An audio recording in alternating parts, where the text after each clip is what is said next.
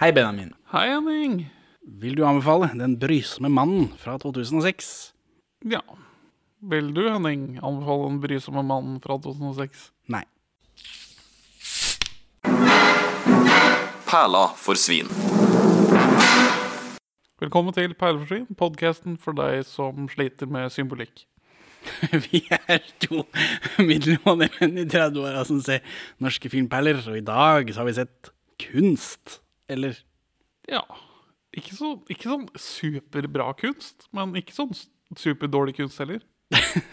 Dette er en kunstfilm. Dette, dette er en film som prøver å si noe om hvordan det er å være menneske. Gjennom bruk av bilder Og, og handling som bryter med forventningene man har til en film. Ja, dette, er- det- dette er dritt. Dette, dette kan være vanskelig for noen som trenger folk å få ting i klartekst. Ja, dette var en drittfilm. Dette var kjedelig. Så Så- kjeda vi oss. Altså, Pe dronningen Petronella Barker Din dronning. Uh, Kjent fra Sweetwater, tidlig episode av podcasten, hvor hun er uh, naken og blir ligget med mens barnet sover i samme seng. Ja. Ammer mye. ja. Jeg husker ikke alt det. Jo, eh, mannen hennes ligger også med en annen dame mens hun og barnet sover i samme seng. ja. Og det tror jeg er helt greit, eller? Jeg er er usikker den filmen der. ja Det altså, var rare greier. hun lar seg utnytte av Lasse Glom, ja, i den kan vi filmen, ja. kan vi vel si. Men Men, men jeg så på henne her, tenkte jeg, er dette samme året som uh, Sweetwater? Hun er jo, hun eldes jo ikke. nei, altså Hvor gammel er hun, tenkte jeg. Petronella Barker hun opprettholder markedsverdien sin lenge. Ja, hun er 40 år her. Dette er da satirisk henvisning til uh, uh, Peder Kjøs. Nei, altså Petronella Barker. I 1990 så spilte hun i en film som heter 'Havet stiger'. Regissert av Oddvar Einarsson. Dette er en film det ikke går an å få sett. Dette, denne må vi bokstavelig talt stjele fra Nasjonalbiblioteket om vi skal se den. Den er spilt inn på et lager i Warszawa. Og der er, hovedrollene er da Gard B. Eidsvoll og Heyo. Petronella Barker. Hei yo! Og, og Podcastmateriale.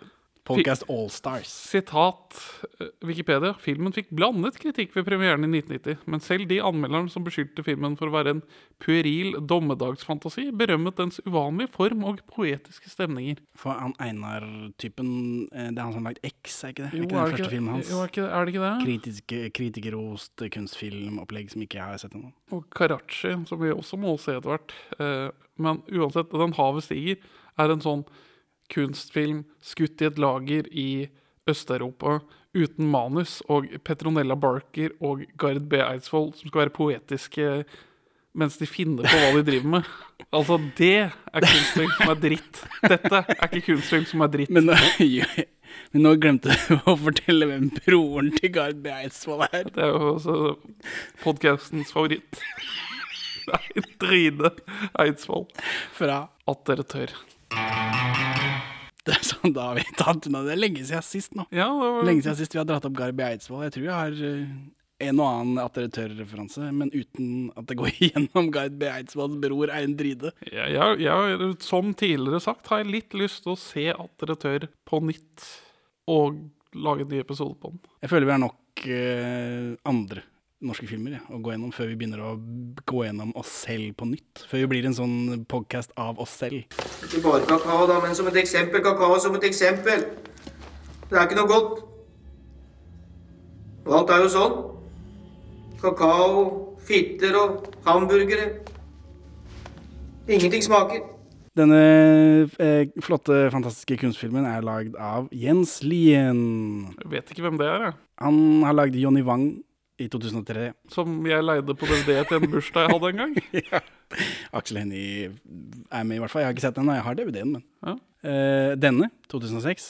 Og så Sønner av Norge 2011, den med naken Sven Nordin. Det er ganske mange med naken Sven Nordin. Jo, men ikke som heter Sønner av Norge. Nei, det er sant. Det er sant. Eh, og det er det. Men han driver med TV og reklame og sånn kommerseting rundt dette. Så jeg vet ikke om film er liksom her skal jeg uttrykke meg, dette er det jeg jobber for.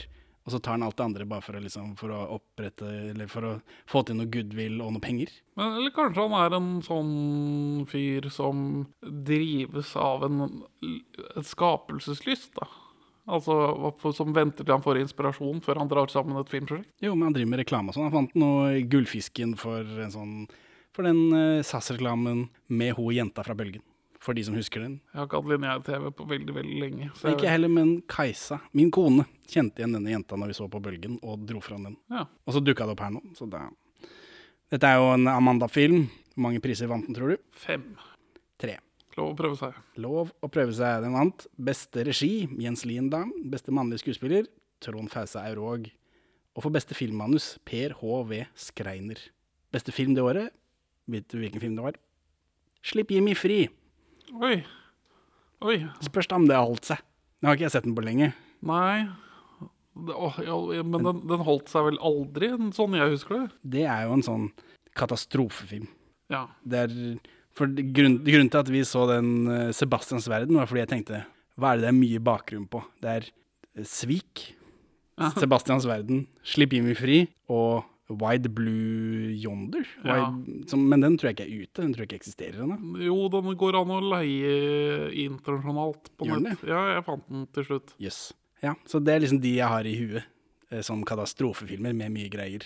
Altså, uh, øh, Slipp Jimmy fri er jo så katastrofal at den får en annen katastrofe... Legger et annen film som et katastrofeegg som klekker ut av.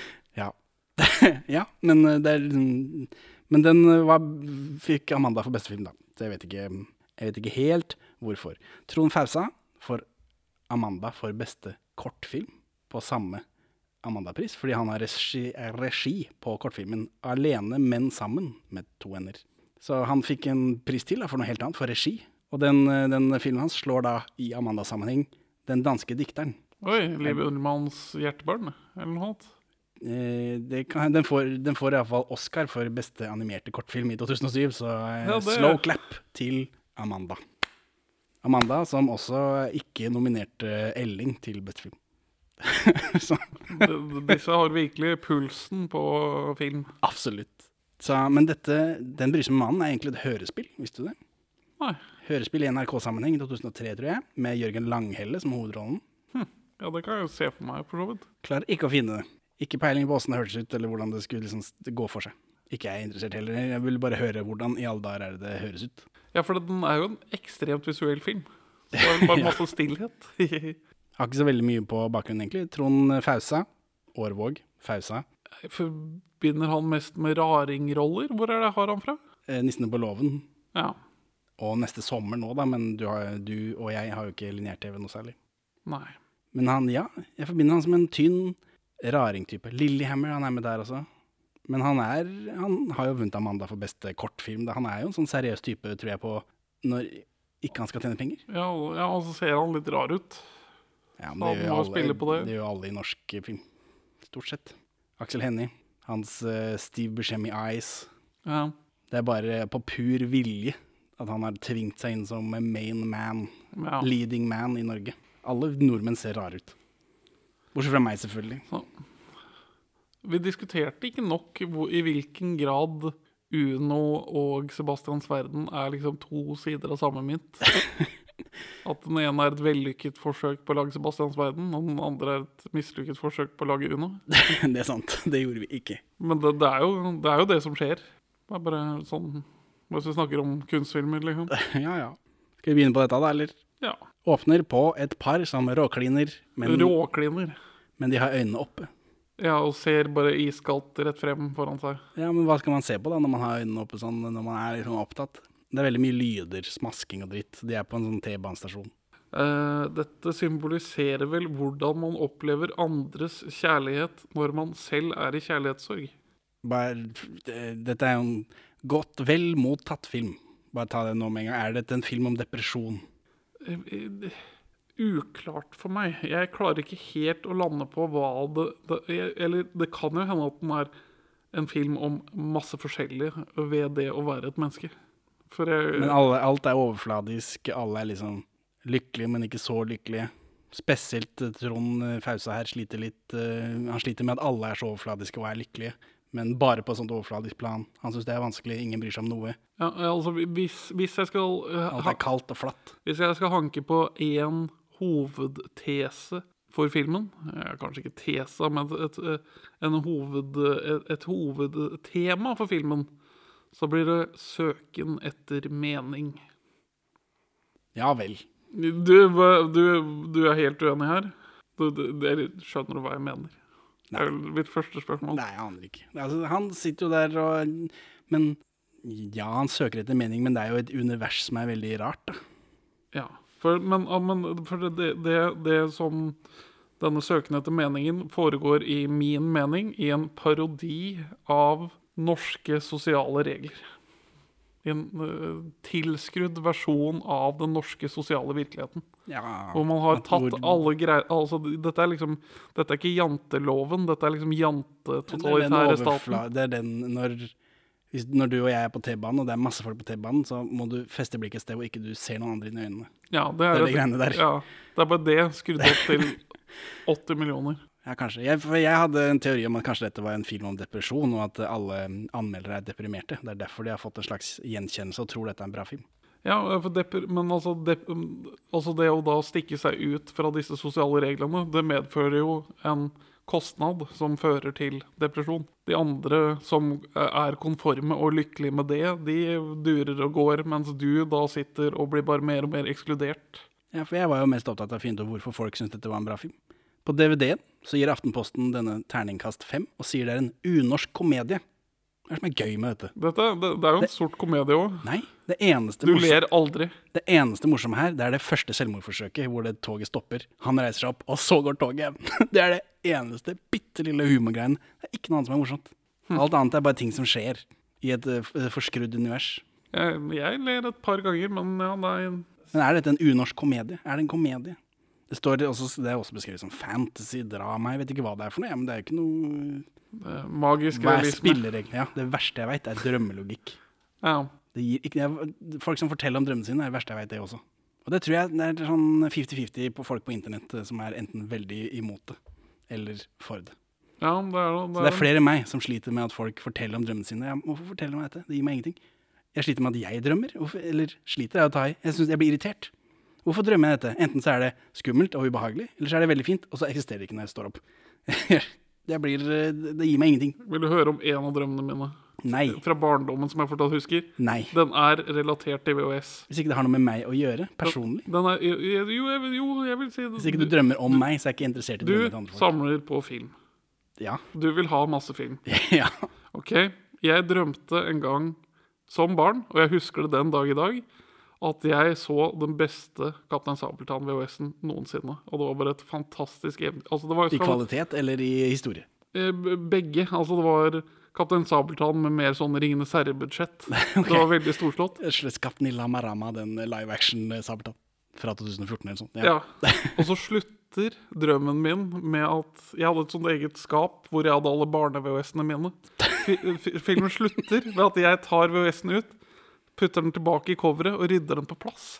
Så det første jeg gjør når jeg våkner, er at jeg, vil, jeg ser jo filmer jeg liker om og om igjen som barn. Det første jeg gjør, er å løpe opp, åpne det skapet, og så er ikke filmen der. Ja. Det, det er jo en drøm laget for deg, på et eller annet vis. Søken etter mer film. ja, men, ja, men det er jo ikke ekte! Det er jo ikke ekte! det var jo ikke noe film i skapet der. Det var ikke noe film i Nei, du hadde ikke sett verdens beste Kaptein Men jeg husker det Kaptein Sabeltann-slottet fra drømmen, og den eh, sk ekstremt skuffende oppvåkningen. Ja, nettopp det er det skuffegreiene ikke jeg liker. Å, jeg kan fly. Men Kan, kan ikke fly. Livet, livet inneholder skuffelser. Du kan ikke bare konforme til andres krav og kun bry deg om møbler, Henning. Du må, du må leve med skuffelsene. Det, jo, men det virker så akkurat den drømmegreiene virker så unødvendig, da. Ja. Men i hvert fall. Trond Fause er brydd på en T-banestasjon hvor disse folka står og kliner. ja. Og dette er, gamle, dette er på Nydalen T-banestasjon. Er det det? ja? Mm. Ja, der har jeg vært. Og så hopper han foran toget. Det, når, jeg husker at jeg likte den filmen når jeg så den en gang for 100 år siden. Men det eneste jeg husker fra den, er den der klininga fra starten. Eh, den er fra 2006, Det stemmer. og det er Tordenfilm Ja, som produserer. det er vel også Uno, er det ikke det? Jo, så det er, det, det er den filmen de isteden lager for, for Sebastian. Sebastian Verden. Ja, eh, godt valg. Eh, I hvert fall kritisk krit, På kritikernivå. Godt valg. Ok, Personlig mm, samme, egentlig. Så han kaster seg foran T-banen. Eller er dette, eller er dette Skjer dette flere ganger, eller skjer dette to ganger? Dette er den ene gangen. Mm, Vi kommer tilbake hit etterpå. Ok. Så du ikke filmen? Jo, jeg så filmen, Ja. men det, det kan jo hende at denne her hinter til et eller annet ved det sykliske med det å være menneske. da. At vi går rundt og gjentar handlinger andre har gjort før oss. Og selv om vi føler at vi alle er i vår egen historie, så er vi egentlig bare mange historier fortalt flere steder med flere mennesker. Men å hoppe foran toget gjør han jo bare én gang. Ja. Han lærer jo av det. Det var ikke noe lurt. Nei. For nå er vi plutselig i en ørken eller noe. Med en bensinstasjon eller noe. Ganske god bruk av datagrafikk. Er det datagrafikk i dette? Ja, Hvor filmer de det på fastlandet i Norge, tør jeg spørre? De filmer på Island, selvfølgelig. Gjør de det? Ja, har du ikke sett Island? Dette er Ringenes herreland. Er dette filmer Nei, på Island? herreland, sier jeg. Det er, dette er Game of Thrones-land. Er dette på ekte filmer på Island? Ja, det er det også. Men jeg kjente jeg har vært på Island, selvfølgelig. Fordi jeg er en sånn verdensvant, verdensvant globetrotter. Nei, men jeg har vært på Island og veit at det er en kjip, trist, svart stein. Så dette spotta jeg med en gang. Hm. Her er vi på Island. Hater Island. Aldri dratt til Island. Ja. De har ikke noe å tilby. Det er disse blå lagunene, men det lukter fis. Det er svovel. Ja, ja, Ligg unna. råtten egg. Deilig. Ja, lavvær. Men øh, de har jo den morsomme incest-appen. Eh, ja, men det trenger ikke vi å bry oss om, vi som ikke er født og oppvokst på Island. Nei, det er sant. Du som er, Du er- kvart, du du er- som er kvart perser, er jo frisk blod. Friske gener å invitere inn i den islandske sædfloraen. Ja, kvart eh, åndssvak også. Men ja, jeg, jeg får flashbacks til øh, Kevin Costner-filmen The Postman, som også starter på en bensinstasjon i ørkenen. Eh, ja, det akkurat starten på den husker jeg ikke. Men, men ja, jeg husker han eh, bruker det ekte navnet til Ringo Starr som presidenten. Eller noe sånt. noe. Ja. Det dukker iallfall opp. Og så vil dattera til Kevin Costner ligge med Kevin Costner. Ja, det husker jeg ikke. Det er veldig Han, han har regi, og han instruerer sin datter til å være seksuelt tiltrukket av sin karakter. på, hans datter på ordentlig. Ja. Å ja. Eh, ja. Nei, dette har jeg ikke fått med meg. Jeg får dreie meg og se på The Postman. Anbefales ikke. For den er typ tre timer lang òg. Ja, altfor mye norsk og en av de utrolig dårligste filmene noensinne. Men i hvert fall, den øh, minner ikke så mye om den filmen her. Men akkurat her minner det litt. Ja, Sigve Bø kommer. Han henger opp et laken eller noe sånt. Det er et banner da, som det står 'Velkommen' på, viser det seg. Ja. Sigve Bø er bare en liten fyr. Er mye ting. Han, eh, han eh, jobber med Brødrene Dal i Brødrene Dal og Mysteriet om Count Holters Gamasjer og den der eh, det, Rett på VHS, Vikingsverd-dritten. Han er med der også. Det var ikke noe spesielt god film. Det Var ikke så ille. Det var hyggelig likevel. Så kommer det en buss. Ja um, buss. Hvorfor det? Jeg vet ikke. Er dette etterlivet? Står det i mine notater. Spørsmålstegn. uh, nei, for du blir tror ikke blir kasta ut av etterlivet. Man blir jo hivd ut til slutt. Og det ekte livet eksisterer jo. På Ja. andre sida av dette hullet i veggen. Ja, men Det er bare troen på bussen, da. Ja, men fordi eh, et annet tema denne filmen tar opp, tar opp, føler jeg da. Dette handler jo om følelser når man ser film, Ja, ja, ja. Og det er jo absurditeten ved det moderne liv. Eh, men akkurat hvorfor man blir levert til en bensinstasjon hvor man blir plukka opp en fyr som har hengt opp et dårlig skilt, så man kommenterer at jeg må jo henge opp skiltet siden det er så pent. ja. Og så beklager at gjøre litt stas på folk. Beklager at bilen min som ser rar ut, er gammel, men den nyere bilen er på verksted. Men hvorfor har han her masse skjegg og caps, Trond? Trond Fausa. Hva betyr det? Nei, det, han er vel menneske som har gått fra huleboer til å gå i dress og jobbe på kontor. Med caps? Caps uh, huleboer? Ja, det Hva er den capsen for noe? vet ikke. Nei, det er bare det jeg vil etablere. At hadde du hatt litt kritisk sans, hadde du syntes det var dritt, du også. Ja, Trond sier han heter Andreas Ramsfjell. Jeg kommer til å kalle han Trond. ærlig sak. Hvor skal vi? spør eh, Trond Fausa. Hjem til deg, sier Sigve Bø. Trond får nøkkelen til leiligheten. Han har fått jobb som regnskapsfører i et solid firma. Han er forfjamset. Sigurd Bø sier du venner deg til det. Den sier ikke noe om kapitalisme, dette. For han har det jo helt greit. Han blir ikke jobba til døde. Tvert imot, dette er jo, eh, det firmaet er veldig vennlig innstilt til eh, alle hans behov. Bortsett fra eh, så lenge det ikke er på det følelsesmessige plan. Ja. Og det er vel det da, som det handler om, da, det der kalde samfunnet, liksom. At man får dekket sine behov, og, men man må liksom konforme til et sett med sosiale regler, som er da gjort ekstremt ekstreme i dette tilfellet. Her er eh, reglene at du skal kun bry deg om oppussing og møbler. Det handler jo om altså, Ikke nødvendigvis. Han kan jo Han, kan jo, han roter rundt med et andre kvinnemenneske. Ja, det går ikke så bra for han. Jo, det er helt greit, det. Det er bare han som gjør det dumt. Ja, Alle andre syns det. Ja ja, ålreit. Vi har gjester på lørdag. Det er liksom ja. ingen som bryr seg. Så den overfladiskheten ved øh, jakten etter å være vellykket i middelklassen. Jeg- men alt er vel middelklasse her, da. Ja, virker sånn. Men han får en 70-tallsleilighet. Ja, en brun leilighet jeg notert meg. Den er veldig brun. Ja, men alt, alt av sånne designdetaljer er fra 70-tallet. Ser jeg som kjenner. Som kjenner 70-tallet. Ja. Så han ser seg selv i speilet, og da Veldig pent foto her. Både på bensinstasjonen og utenfor den leiligheten hans, som har sånn spiraltrapp. Ja, ja, for dette er kunst, da. Ja. Dette er Oslo gjort veldig vakker og veldig stygg. Og Island, da. Det er noe datagrafikk i rulleteksten, og jeg trodde det var det som var på Island. Det er jo flere sånn strøk her sånn, som ser veldig Det er sm- smooth og fint. Jeg antar de har kanskje hevet disse Noen- husene. Det er jo sjelden du ser himmelen. Ja, Noen bygninger er høyere enn det de er i, i virkeligheten. Men iallfall, Trond barberer seg. Hvorfor det? Hva betyr det? Han kom, prøver Han, han, gjør begynt, et har han begynt å konformere? Ja, det, det, jeg tror det. Og nå er Trond på jobb, eh, og dette svære vinduet i resepsjonen der sånn Det er et flott matte painting bak der. Er det det? Jeg antar det. Nei, er ikke det bare Oslo S? Toppen av Oslo S i bakgrunnen der? En sånn svær sånn Det ser, ut det er jo, ser jo helt enormt ut.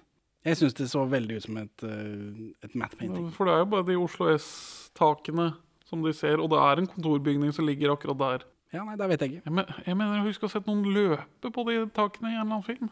Ikke, det- ikke denne. Det er Johannes Joner som tar imot Trond. Han er sjefen hans. Ja, eh, og han spilte i Hus med det rare i, eller hvor er det jeg har han fra? Jo, det er huset med det rare. Ja, for der, der, der, der er han fra. Ja, jeg også.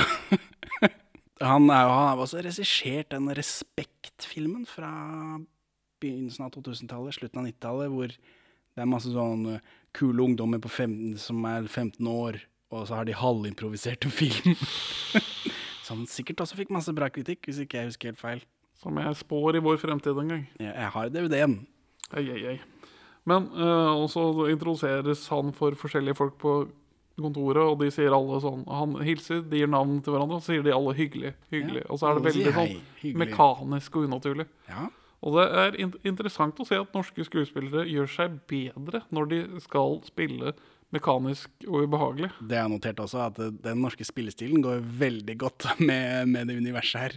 At eh, det er nesten så det er gjort med overlegg. Nesten. Har du noen tanker om lydbildet, da? Enn så lenge.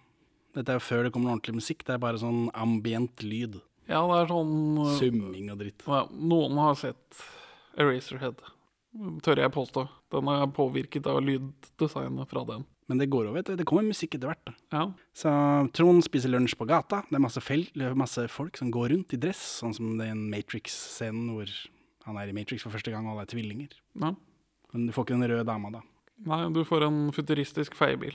Ja, som kommer pipende. Og så går Trond rundt, og så ser han en fyr som er spidda på et gjerde. Og da, nå ler jeg. Da, nå er det komedie for meg.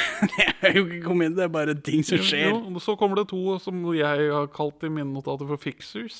Som kommer i en sånn rar, litt underdimensjonert grå, kjedelig bil. Og de har på seg grå kjeledresser.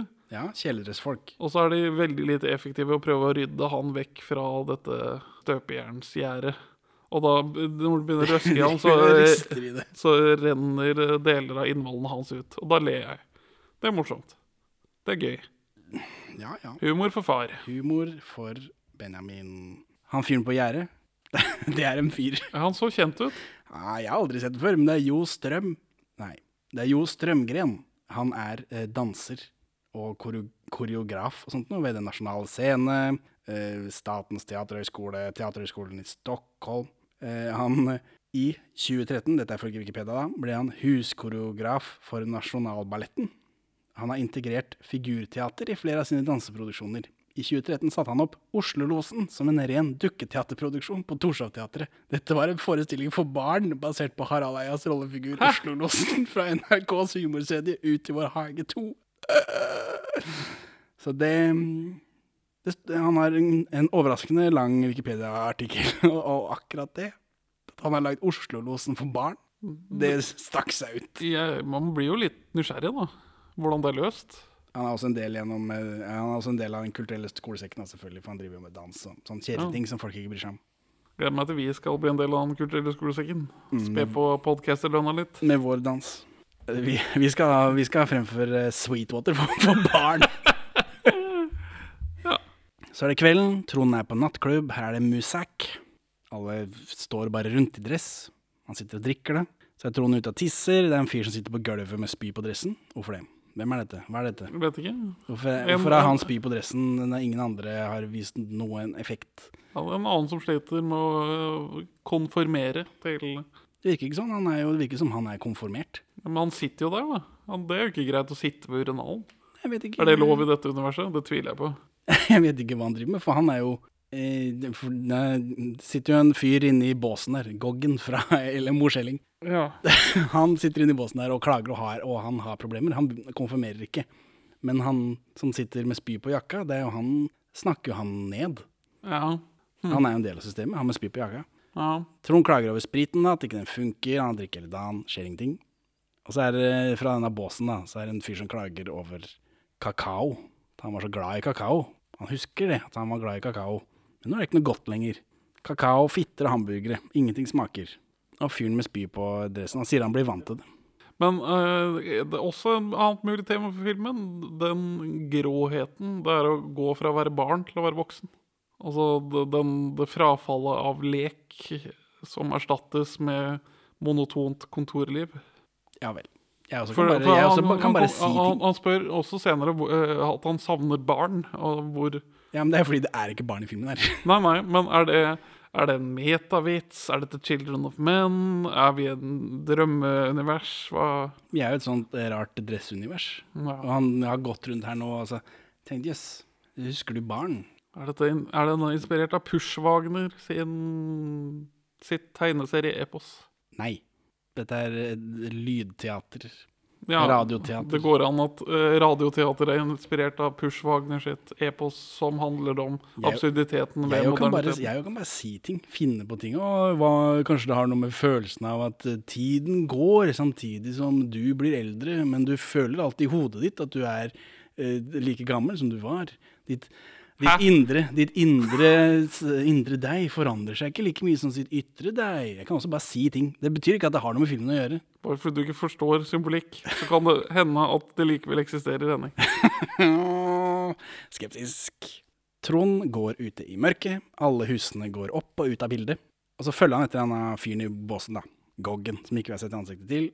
Eh, han forsvinner inn i en oppgang.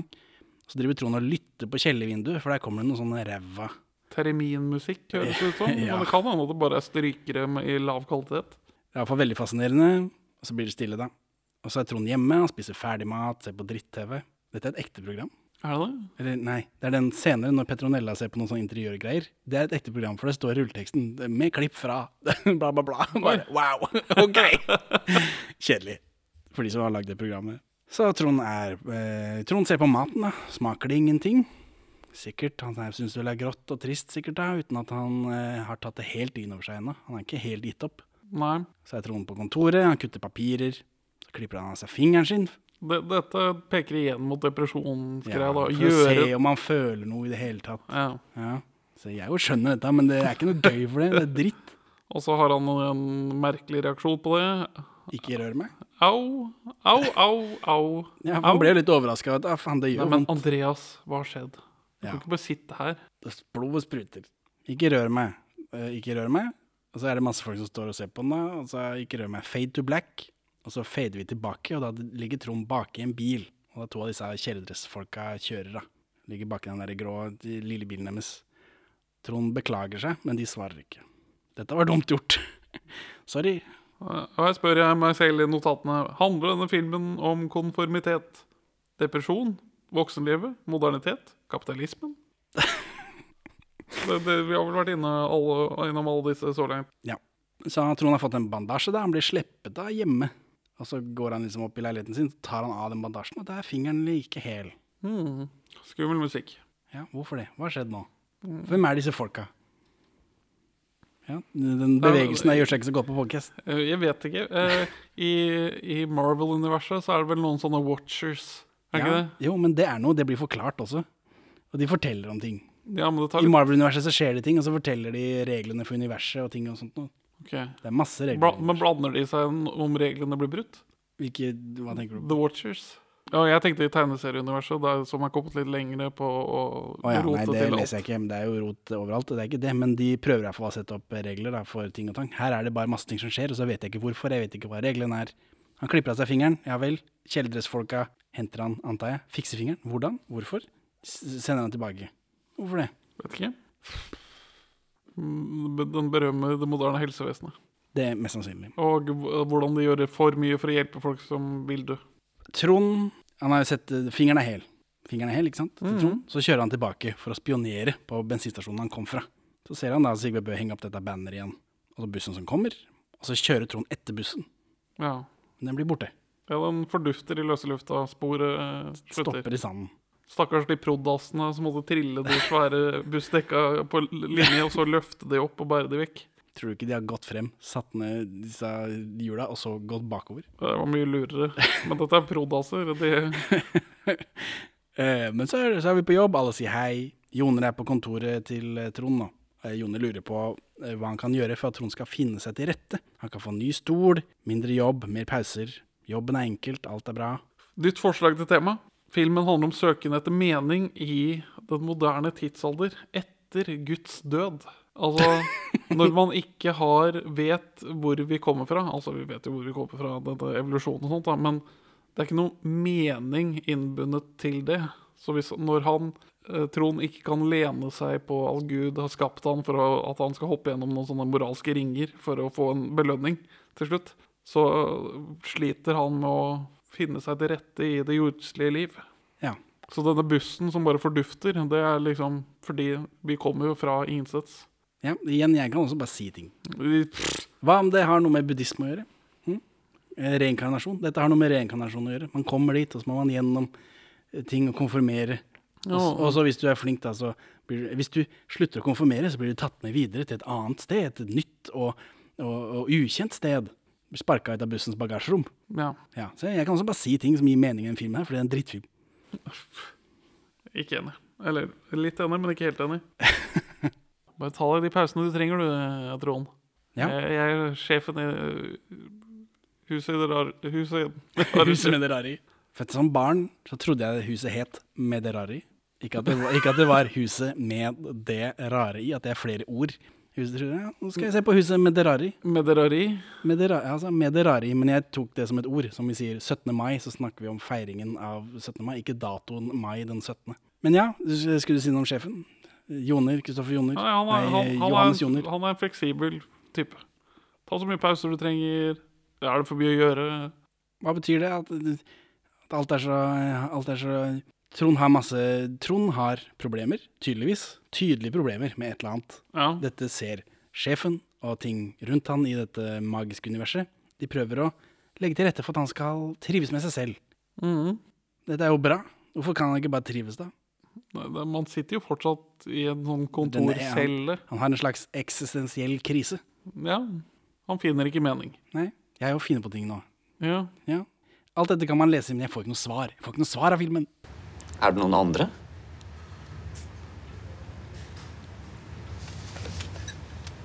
Hvem da? Er det viktig? Det er Lars Birger som jobber nede i resepsjonen. Han tykke? Han er litt kraftig. Og så er det Tom. En som bor i oppgangen hjemme. Jeg ser ikke ham så ofte. Det er ikke så farlig. Og Så er det Jens. Det jeg vil helst ikke vite det. Nå er vi i kantina, det er lunsj, da. Han sitter alene og spiser. Han, Ja, men det virker som det er bare tilfeldig. Det er hans eget valg eh, Ja. akkurat der og da. Fordi nå ser han kollegaen hans sitter på et annet bord og driver med et eller annet. Og, han har liksom, og har det hyggelig. ja, og da vil han gjøre noe annet enn å sitte alene, så da gjør han det. Og det er ikke noe problem. Alle er lykkelige. De ser på sofaer. Trond foreslår en sofa. Det er feil sofa. Ja, lite grann, men så, ja. Klarer Ja, jaggu, det er jo Dette var en veldig god sofa. Så ble det bra til Ja, slutt. for de andre, de prøver å eh, bøye litt på reglene for konformiteten. Og, og da klarer de å Ja, hvis vi da får en kontraststol inn, så har du likevel klart å konformere til kravene. Godkjent. Du er herved invitert på middag hos sjefen. Ja. Eh, Johannes Jone, forresten, er i slekt med Kristoffer Jone på et eller annet sted. Takk og pris. Ja. Trond går hjemover med poser. Så hører han den pipelyden fra opprydningsbilen, eller fra den der feiebilen. Han går til kjellervinduet eh, til han fra båsen. Så er det to sånne kjellersfolk som kommer og spør om det er noe galt. Trond sier nei, nei, nei. Og den kjellerfyren bærer på en sykkel. En halv sykkel. Ja, den mangler Forhjul. forhjulet og sete. Som får meg til å fundere på Er det sånn at junkier finnes i dette universet? Heroinen smaker ikke noe, men likevel skyter opp og stjeler løse deler fra sykkel. Og de må konforme til uh, sin junkietilværelse. Jeg har ikke sett noen junkies eh, rundt omkring i bybildet. Sånn. Du må jo ha dress. Men det er veldig junkie-påvirket sykkel vi får i det bildet. Det er vel kanskje en, en av disse dressfolkene som vil føle noe. da, så De har stjålet deler av en sykkel.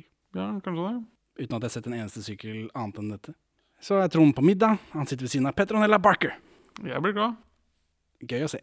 Se. Alle har overfladiske samtaler. Trond inviterer Petronella ut på konsert eller noe. Trond og Petronella går hjem til henne sammen. Så er det noe puling. Eh, eh, Det virker sjelden som om folk vil noe i den filmen der. Men hvis de blir spurt på direkte spørsmål, så svarer de alltid ja. Og det, om ikke det handler om en eller annen sånn norsk frykt for å skuffe andre, så vet faen ikke jeg, altså. Så mange sier ja til deg når jeg ikke vil, Henning. Hæ? Ja, Her sitter vi, nå. 30 Olsenmannen-filmer deep. Det er bare, bare fordi ikke du tør å si nei, fordi du må konformere til podkast-universet. Ja. Petronella spiller totalt uinteressert, men hun sier ja hele veien. Hele veien. Hele veien. For det blir puling. Da blir du glad veldig. Har vi ikke sett siden Sweetwater. Nei, nei, nei. Så er Trond, Trond er glad på kontoret, da, for nå, er, nå skjer det jo noe. Han har Ja. følelser plutselig. Han har fått pult, og det, og da Ja, det føles ut som det er mer enn det. da. Det er derfor han er glad på kontoret, og så er han glad hjemme, og så er han glad mens han puler, og så flytter de sammen. Nei, men, det er ikke bare fordi han har fått dyppa han. Men vi går rett fra at han har, har fått dyppa han, det er det eneste vi vet per nå, til at han går på kontoret med en ny potteplante som han setter på pulten sin. Ja, han har fått litt farge inn i livet sitt. Han har funnet mening i søken etter samkvem med kvinner. Jeg tror ikke det er bare samkvem. Jeg Altså, tror det er mer enn det. Senere, Hullet etter Guds død prøver han å fylle med fitta til Petronella Barker. ja, men eh, kakao, fitter og hamburger smaker jo ikke noe. Nei. Den her, den her skal jeg sende til Jens Lien, tror jeg. Så får vi se hva han syns om vår analyse. Min analyse. Jeg vet ikke hva du driver med. Yo. De flytter sammen, pusser opp. De har gjester sammen i det nyoppussede huset. Ja, Petronella Barker sier vel spesifikt at det er litt uh, mye å gjøre, bare som én. Ja, for hun driver og pusser opp. Det er hovedmotivasjonen hennes for dette partnerskapet. Ja, Så er det mer snakk om farger og dekor og dritt. De ligger jo bare der når de ligger. Ja, men første gangen så er det Det blir ikke presentert som noe fælt. Nei. Mens nå så begynner Petronella kanskje å kjede seg i pulinga. Selv om det er nøyaktig samme eh, skudd. Ja. Så de begynner å pusse opp på nytt, da. og så er det midt på natta. Trond sitter og drikker kakao som ikke smaker noe. Så kommer Petronella. Trond begynner å snakke om drømmen han våknet av. Og Petronella liker ikke at han snakker sånn. Og det er jeg helt enig i. Ikke snakk om drømmene dine. Jeg vil ikke vite. Hun blir veldig agitert av det. Jo, men hun, det, Men det- det er fordi han vil snakke om følelsesliv. Hva betyr den drømmen? Det er det hun reagerer på, egentlig. det. Men det er vel fordi at å drømme er ukonformt. Å ha større behov enn å bare pusse opp og velge møbler. Ja, for han vil jo, Den drømmen vil jo lede inn til en dypere samtale som han vil inn på. Det er ikke bare det at eh, drøm er noe dritt å høre om. Det var mitt humorpoeng. Ja. Så, men hun vil heller snakke om oppussing og dritt. Så hun jangler av gårde med det, da. Så er vi i kantina på jobb. Trond ser på en blond dame. Dette er, eh, dette er Gritt.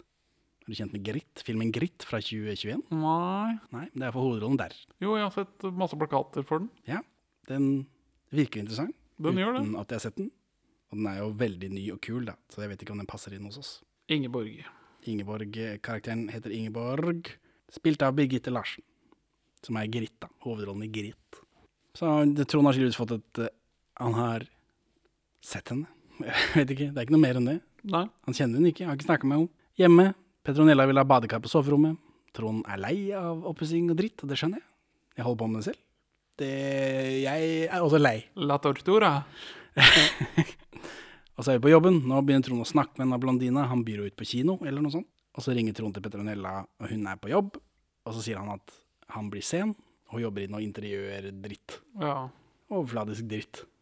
Og så er de på kino. Morsom film. Jeg vet ikke hva det er for noe. Det er noe- det er noe grining. Det er noe trist som ser på skjermen. Alle bortsett fra Trond sitter flatt og ser på. Trond sitter og griner. Ja. Og så, og så går de liksom Han går hjem til henne, følger henne hjem. Og så sier de at det var ikke en spesielt god film, men det var ikke så ille. At det beskriver podkastene ofte. ja. Dessverre. Dessverre. Og så kliner de i døra etter å ha snakka om at Trond bor sammen med en annen. Så det er jo fint da at i hvert fall Ingeborg er, eh, går inn i dette med åpne øyne. Så da er det bare Petronella igjen å informere. Så kan de bare, så kan de bare kjøre på alle sammen. Men denne, de, for det her begynner et sånn råklineopplegg, litt som vi så på begynnelsen. Og så blir de avbrutt av en lyd, Ja. og så blir det litt sånn kleint og rart. ja. Det er veldig mye klinelyder også, veldig forstyrrende. Nå er Trond forelsket og glad. ja, veldig. Ja, igjen. Ja, han, han, fi- han finner mening i å søke kvinner. Ja, hvorfor kan han ikke bare fortsette med den, denne sirkelen, da? Kanskje dette bare uh, sier noe om uh, rundbrenneriet som Jens Lien har drevet med. Så er, de senere, så er det senere. Eh, Trond og Ingeborg er ute, de spiser is. På Victoria terrasse. Ja, noe sånt. Men her får vi se himmel. Dette er nytt i Ja. Dette, at han ser enda lysere ut, for han føler vel at han har en eller annen dypere connection med Ingeborg, som har en marginalt blidere utstråling enn det Petronella Barker har her. Hun er litt søtere i sin væremåte. Ja, det lyser i hvert fall opp hans tilværelse, da, for nå får vi liksom himmel i bybildet. Det har vi ikke hatt før. Og de spiser is.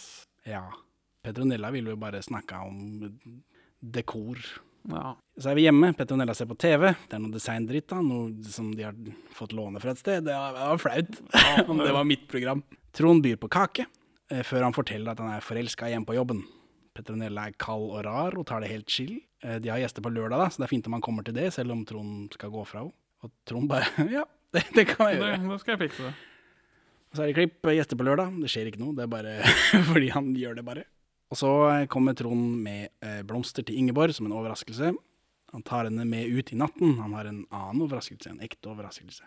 Så han tar henne med på restaurant, men det er bare dem. Og 18 servitører Jo, jo. som står på rekke mens de gradvis fordufter etter de har gjort sin del av jobben. Og hun har bare nattkjole på, da, som virker litt sånn upraktisk, men eh. Trond forteller at han har gått for Petronella, så nå kan han og Ingeborg flytte sammen. Og Ingeborg virker ikke å forstå, men det er helt greit. Alt er greit. Ja, Ja, ok, ja. Du spør direkte, da må jeg svare ja. ja, for Trond vil at hun skal si at hun vil dette, mens Ingeborg alltid bare svarer med at det er greit. Ja, det hadde vært fint med en litt større leilighet. Ja, jeg det kommer- jeg bare dusj hjemme hos meg. Det hadde vært fint med badekar. Ja, men det kommer helt på slutten av den scenen. Først er liksom Ingeborg visste ikke at de hadde et sånt alvorlig forhold. Ops. Au. og så spør, så spør Trond er det noen andre. Og så ja, det er jo Lars Birger i resepsjonen. Han tykke. Ja, så er det Tom i oppgangen, da. Og så er det Jens. Og da liksom holder det. Ja, det er greit. Det er andre folk jeg skjønner. Og så, og så sier Trond sier da at jeg bodde jo sammen med noen andre når vi traff hverandre, så jeg kan liksom ikke si noe. Men du ser på han at han har lyst til å si noe. Ja, Men han kan ikke. Han gjentar det vel et par ganger òg, for å understreke at han likevel Ja. har lyst til å si noe. Ja, så han kan ikke kritisere henne. Og så lurer Trond på om hun vil droppe de andre, og om hun har lyst til å flytte sammen med han. Og hun kan godt det. Men det er ikke det samme som liksom, du har lyst. Hun vil ikke si at hun vil det, men hun kan godt. Og så syns Trond er veldig hyggelig. Liksom, ja, for han sier Er du glad i meg, liksom? Ja, liker du meg? Du er veldig hyggelig. er du, hva med de andre, da? Har du, føler du, hva, har du følelser for de andre? De er veldig hyggelige. de er også veldig hyggelige. ja, alt er hyggelig. Du ler ikke i det hele tatt av den sekvensen. Jo, men det er ikke komedie. Det, det er noe som kalles sort komedie. Jo, men det er ikke sorte komedie nok for meg. si Dette er jo tragisk. Dette er jo tragisk morsomt. Morsomt tragisk. Tragikomisk. Skeptisk. La, ja, men ok, da. Du skal få den også. Det er det to steder. Er det, holder det at det er en komedie? Og måten. Petronella Barker reagerer når han sier at han skal forlate henne, at hun bare vil at eller, Men vi har gjester på lørdag. Kommer du Jeg til det? føler det henger sammen med resten av følelsen i filmen her. Ikke at det er komedie. Men iallfall, så kommer det frem da at Ingeborg syns det hadde vært fint å flytte til noe større, med badekar. Og her, blir liksom, her mister Trond sine illusjoner. tror jeg. Ja. Er, det, dette, er dette en film om å gjennomgå et samlivsbrudd? Er det det det er? At man ser den andre personen for noe annet enn det man trodde de var? Jeg, jeg er enig i at samlivsbrudd er noe av tematikken til filmen, men ikke kun det. Men samlivsbrudd er jo noe som aktualiserer andre livskrisefilosofiske tanker, da. Så Ja, men, eh, kan det hende at jeg begynte i feil ende. Hva om dette er en midtlivsfilmkrise, som da ender i at man ser andre folk midtlivsfilmkrise, midtlivskrise. Midtlivskrisefilm. Ja. Samme. Midt skal være Krise, krisemidtfilmsliv. Hva, hva om det er det der? Og så og da, for, da endrer man kjemien i sitt eget hode. Man blir plutselig redd for livet skal ta slutt. Man går glipp av alle mulighetene. Og så går man fra Så ser man sin bedre motpart med andre øyne. Vi har, Petronella er også eldre enn Trond Fausa. Ingeborg er yngre. Ja. Har du noe med det, eller? Og Gammel Jens Lien. Jeg jeg, ikke peiling. Men dette er bare meg som sier ting. Jeg kan også si ting. Tror ikke det stemmer. Jeg vet ikke hva som er hva. Ja, det er jo det som er, da. At uh, det er hvilke emosjoner den fremmer i deg, og hva den starter av tanke. Det er jo det. Intenst hat. At jeg Ja. kjeder meg. Mest kjed, Dette er, film, kjeding. dette er en film som handler om hat og kjedsomhet. Nei, mest kjedsomhet, egentlig. Det er ikke så mye hat. Det er bare liksom Hvorfor skjer dette mot meg? Det er sånn når du ser på Olsemannen. Sånn følelse får jeg. Ja. Ja ja. Så går vi fra det trinnet til det trinnet. Ikke noe gir mening, det henger ikke sammen. Rulletrapp ned på Nydalen stasjon. Ja, for Trond mister jo interessen med dette designpratet, for det minner om noe han har hjemme, tror jeg. Ja. Og da liksom, da var det, Ingeborg var kanskje hans eneste håp da, om å finne en mening i dette kalde, konforme eh, livet han har. Så da går han ned trappa der sånn, og da er vi på begynnelsen. For det paret står og råkliner med øya oppe, de ser sånn som fisker. Og han hopper foran toget, og så ligger han på skinnet da og venter på toget, for toget kommer. Og så stopper det rett før han, rett før han og, så, og så slipper det av folk, og da mister han motet, så han reiser seg opp, og da kjører toget på han. Det var gøy. ja. Og da får du en sånn au, og så litt sånn knakelyder. Så blir det mørkt. Han ligger dypere inn i tunnelen. Tror jeg, ja, skamfert. Ja, for dette er vel da effektene av et brutalt samlivsbrudd. da. Altså den der eh, enorme, triste håpløsheten. da, At det ikke kjennes som man skal overleve. Men så dør man jo ikke av det. Det er bare jævlig mange i mange omganger. ja, han blir, han blir jo stadig Han blir jo dratt under toget, og så detter han av på et eller annet tidspunkt, og så kommer det alltid et nytt tog. Så dette bare fortsetter og fortsetter, helt til det slutter å fortsette. Ja. Og da får vi et sånt uh, filmatisk bilde, da. Film er jo et visuelt medium, medium Benjamin. ja. Da er det liksom lys i tunnelen, togskinner, eh, kroppen til Trond Fausa ligger på skinnet der sånn, det er silhuetter. Og så begynner han å bevege seg, og til slutt så får han liksom jangla seg opp. Dratt seg ut. Han ligger og surkler på skinnene. Så, og så går han blodig rundt i byen, og så kommer disse kjeldresfolka. ja. For er, er det det at han, har- han har sine triste følelser på utsiden i, i dette kalde Parodi-Norge, og at det ikke er greit? Akkurat han, nå, tenker du på? ja, Når han er liksom blodig og helt fucka. Ja, at han, han viser sin smerte for andre, og det er ikke lov. Kan hende. Men hvem er disse kjeldresfolka, da? Er de Konform-Norge? Ja, det er vel de, de usynlige Er det, jante, bånd- er det janteloven? Ja, det, Det det, er det, de usynlige, personifiseringen av janteloven. det, er det usynlige båndet av normer som holder oss i tøylene til enhver tid. Men disse kjeldresfyren får han inn i bilen sin, og så kjører de Trond hjem til sitt, hans felles hjem med Petronella, da. Man bor der man har postadresse i Norge. Sånn er det bare. sånn er det bare. Men nå her har de ikke fiksa han. Nei, man trenger jo bare en liten spyling. Men. Ja, Det er badekar på soverommet, null stress. Det er sant. Eh, jo, altså når han liksom reiser seg opp på disse skinnene og sånt, så er det, da går Solveig sang. Ja. Og den kommer inn senere også. ja, for Solveig Sang, er den da før eller etter hennes død? Nei, det vet jeg ikke. Jeg har ikke sett Per Peggent. Ja, det må jeg gjøre, kanskje. Men uh, morgenstemning følger Solveigs død. Det visste jeg ikke før inntil nylig. Ja. Det er veldig tung kontrast mellom de stemningene i de låtene. Morgenstemning skal vise en arabisk morgen, selv om vi bruker den i melkesjokolader. Og i USA bruker den til absolutt alle steder hvor det går fra mørkt til lyst. Jo, jo, men Morgenstemning er men når vi hører morgenstemning, så tenker vi fjorder og fjell og kuer som går rundt. Men egentlig skal det være Arabia. Anyways. Arabiske morgen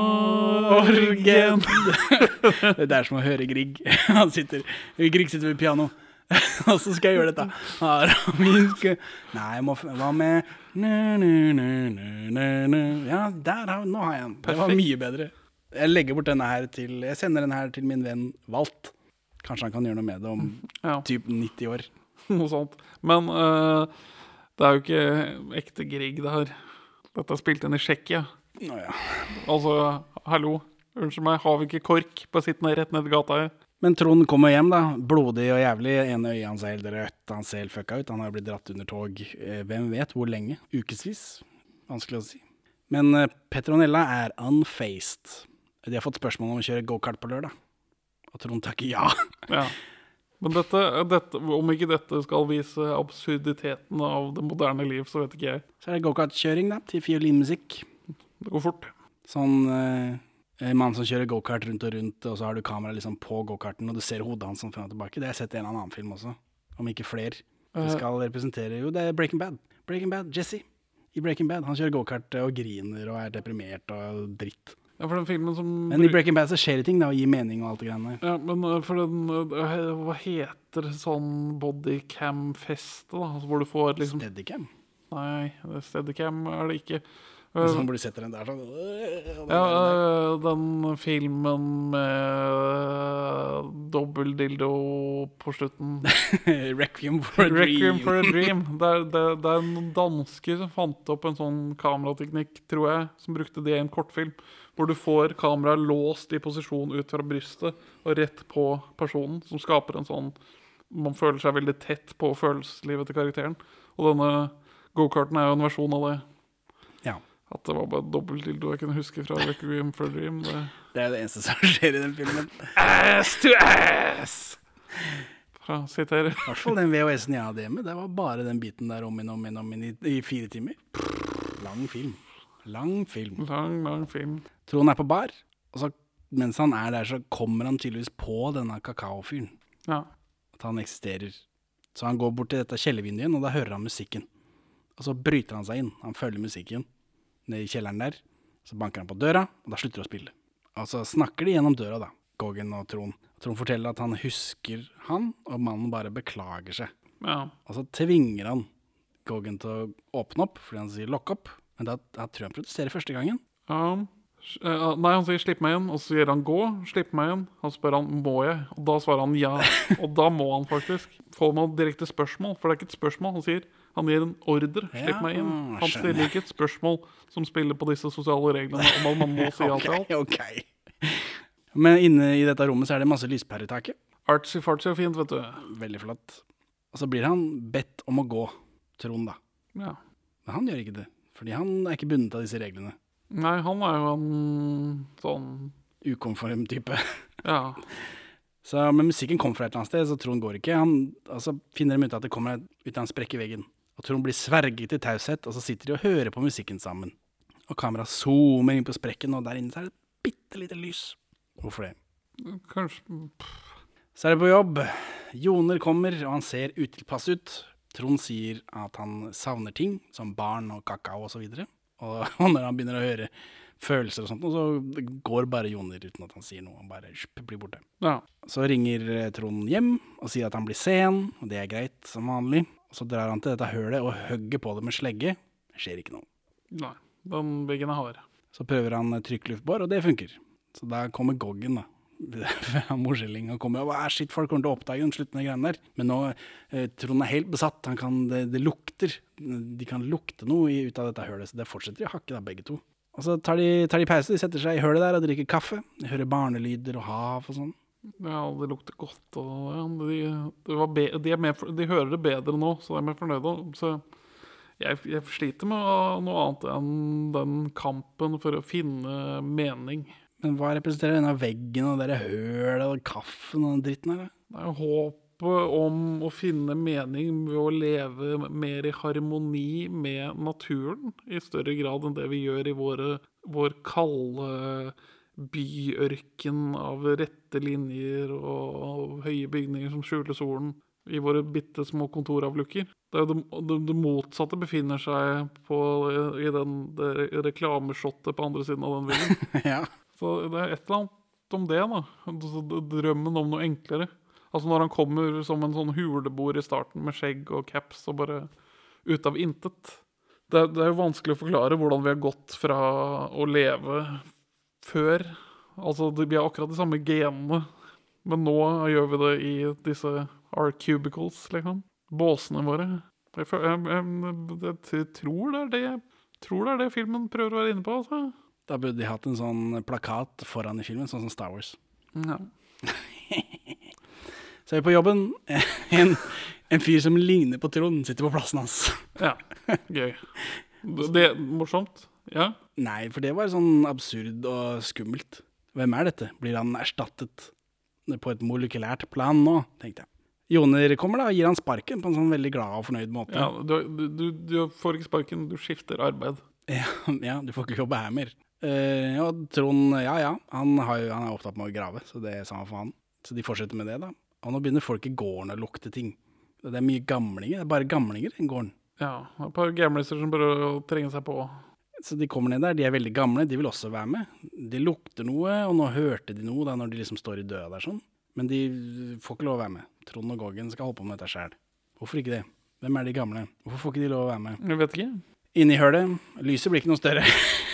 men, men Trond presser seg innover, liksom. Og så får vi se på dette postkortet på andre sida der, reklameslottet der. Uh, dette er settet til eh, en av disse eh, syltetøyreklamene fra Nora. Mm. Hvor bestemor står der. Men bestemor er ute akkurat nå, da. Ja, det er litt beslekta med den shoten uh, til Senterpartiet i den Folkeflesborg i Kina. Ja, stemmer. For her er det dus, dusbelysning, det er kake står på bordet der, det er strand og barn på utsiden. Varme farger. Varme farger, ja. Så han får liksom klemt seg. Trond får liksom kjørt hånda ut gjennom veggen. Hvorfor er dette Hva er dette? Og så får han liksom tatt dette kakegreiene, og så blir han dratt ut av disse kjeledressfolka, da.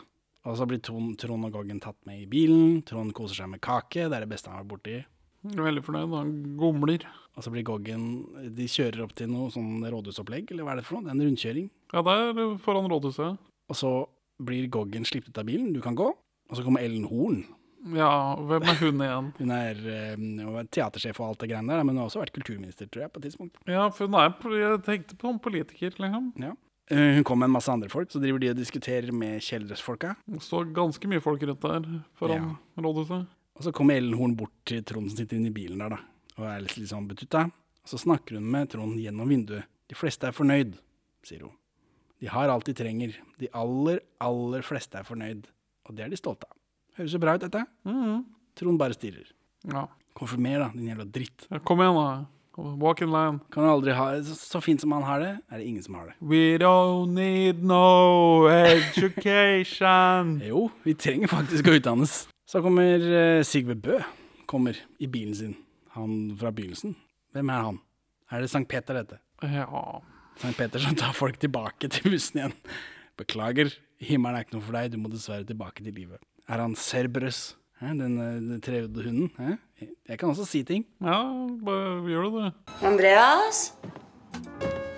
Ja. Kunne ikke vi få et badekar på soverommet? En badekar? Jeg har tenkt litt på det. Vi kunne slå inn veggen til det gamle gjesterommet.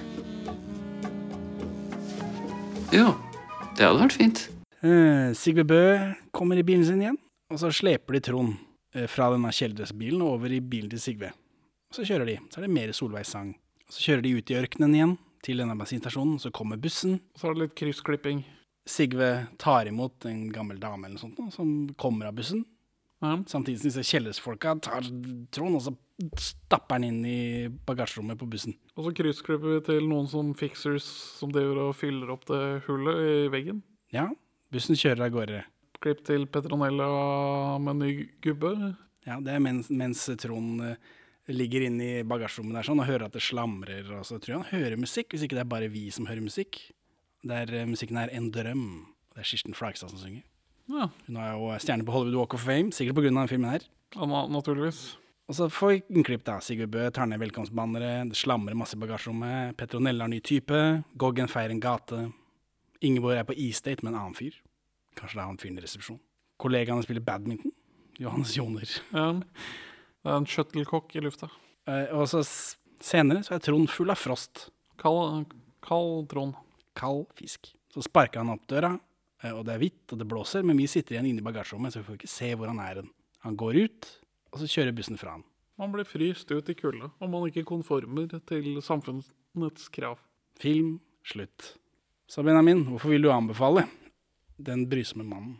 Uh, den er pen å se på. Oslo har aldri vært så stygg og så pen på samme tid. Uh, jeg eh, tenker litt på hva Jeg føler og tenker ting etter å ha sett den. Og den er ikke sånn wow, wow, superbra, liksom. Det er ikke ti av ti på IMDb det her.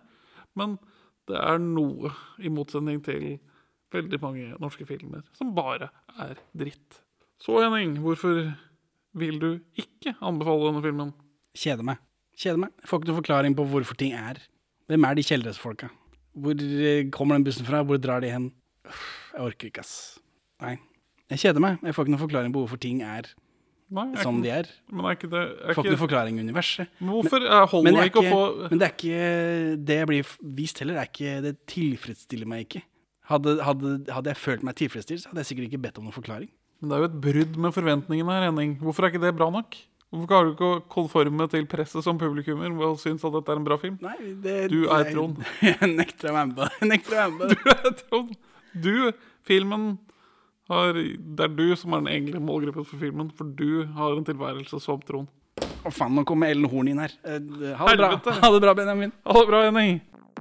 Takk for at du hører på Perler for svin. Du finner oss først og fremst på perleforsvin.no, men også på Twitter under perler-for-svin, Facebook som perleforsvinpod, eller du kan maile oss på perleforsvinpod at gmail.com. Gi oss gjerne en eh, rating i din lokale podcast-avspiller, og, og legg igjen en beskrivelse, så folk skjønner hva det er for noe tull vi egentlig driver med. Her er ukas Pål Bang-Hansen-sitat ute av kontekst. I hovedrollen John Travolta, som er blitt en bra skuespiller etter hvert.